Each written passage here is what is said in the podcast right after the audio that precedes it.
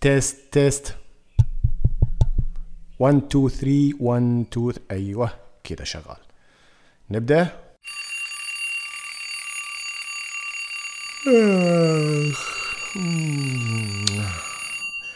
صباحو.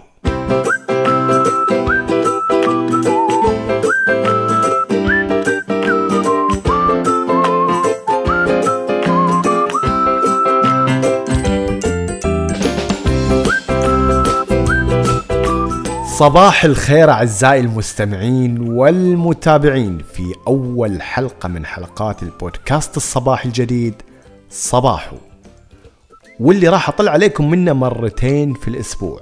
عشان أونسكم في طريقكم للدوام أو حتى وأنت أو أنت جالسة في البيت. كل اللي عليك تسويه إنك تجهز قهوتك وتركب سيارتك وقبل ما تعشق اشبك جوالك على سماعة السيارة وانطلق. وحط بالك وياي. يا صباحو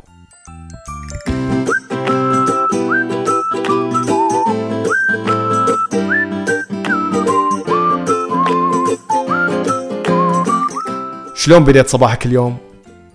مكشر ونعسان صح؟ سكر. سكر سكر سكر البودكاست. لأن الكلام اللي بقوله مو لك. سكر. أقول لك سكر. مم. راحوا اللي صحوهم كشرين؟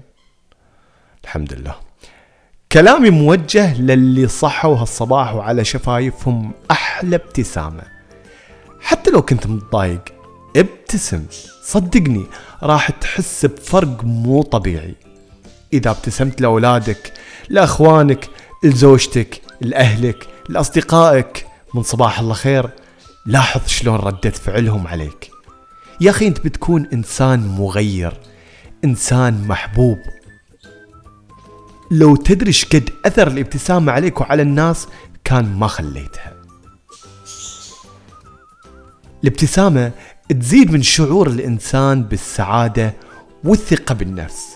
الابتسامة صمام أمان من الكبت والاكتئاب. الابتسامة تزيد من مناعة الجسم ضد الأمراض وتخفف حموضة المعدة. سلاح ضد التجاعيد. يا عين عليكم يا خواتي. تخيل إن الابتسامة تساعد إنك تكون مبدع.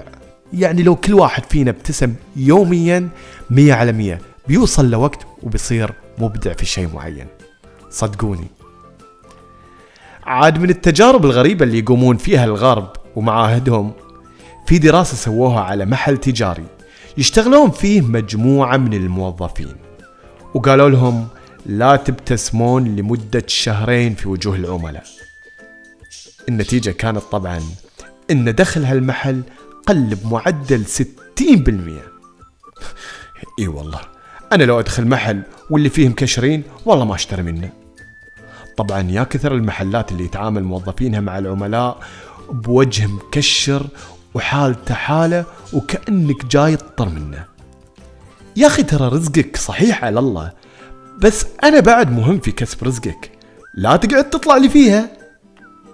كني عصبت من الصبح. أه برجع وأقول صباحو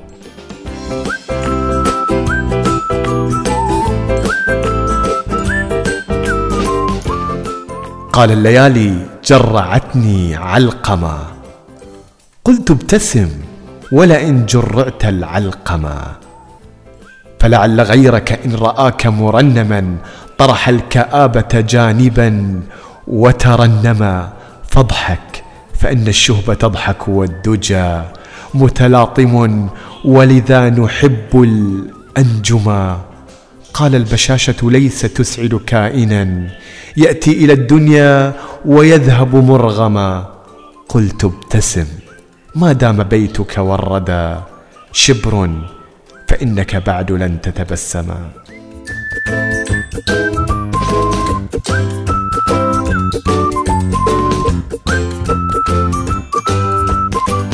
يعني اختصار الهذرة اللي قريتها قبل شوية ابتسم. انت الحين أكيد رايح دوامك وبتقابل زملائك. عطهم ذيك الابتسامة العريضة اللي تشق حلجك شق. يمكن يستغربون ويقولون عنك ما انت صاحي. بس ما عليك منهم. ترى انت أصحى منهم صدقني. بعد فترة بيعتادون على ابتسامتك الحلوة وبيبتسمون لك مثلك. عاد حزتها اسألهم. من اللي مو صاحي الحين؟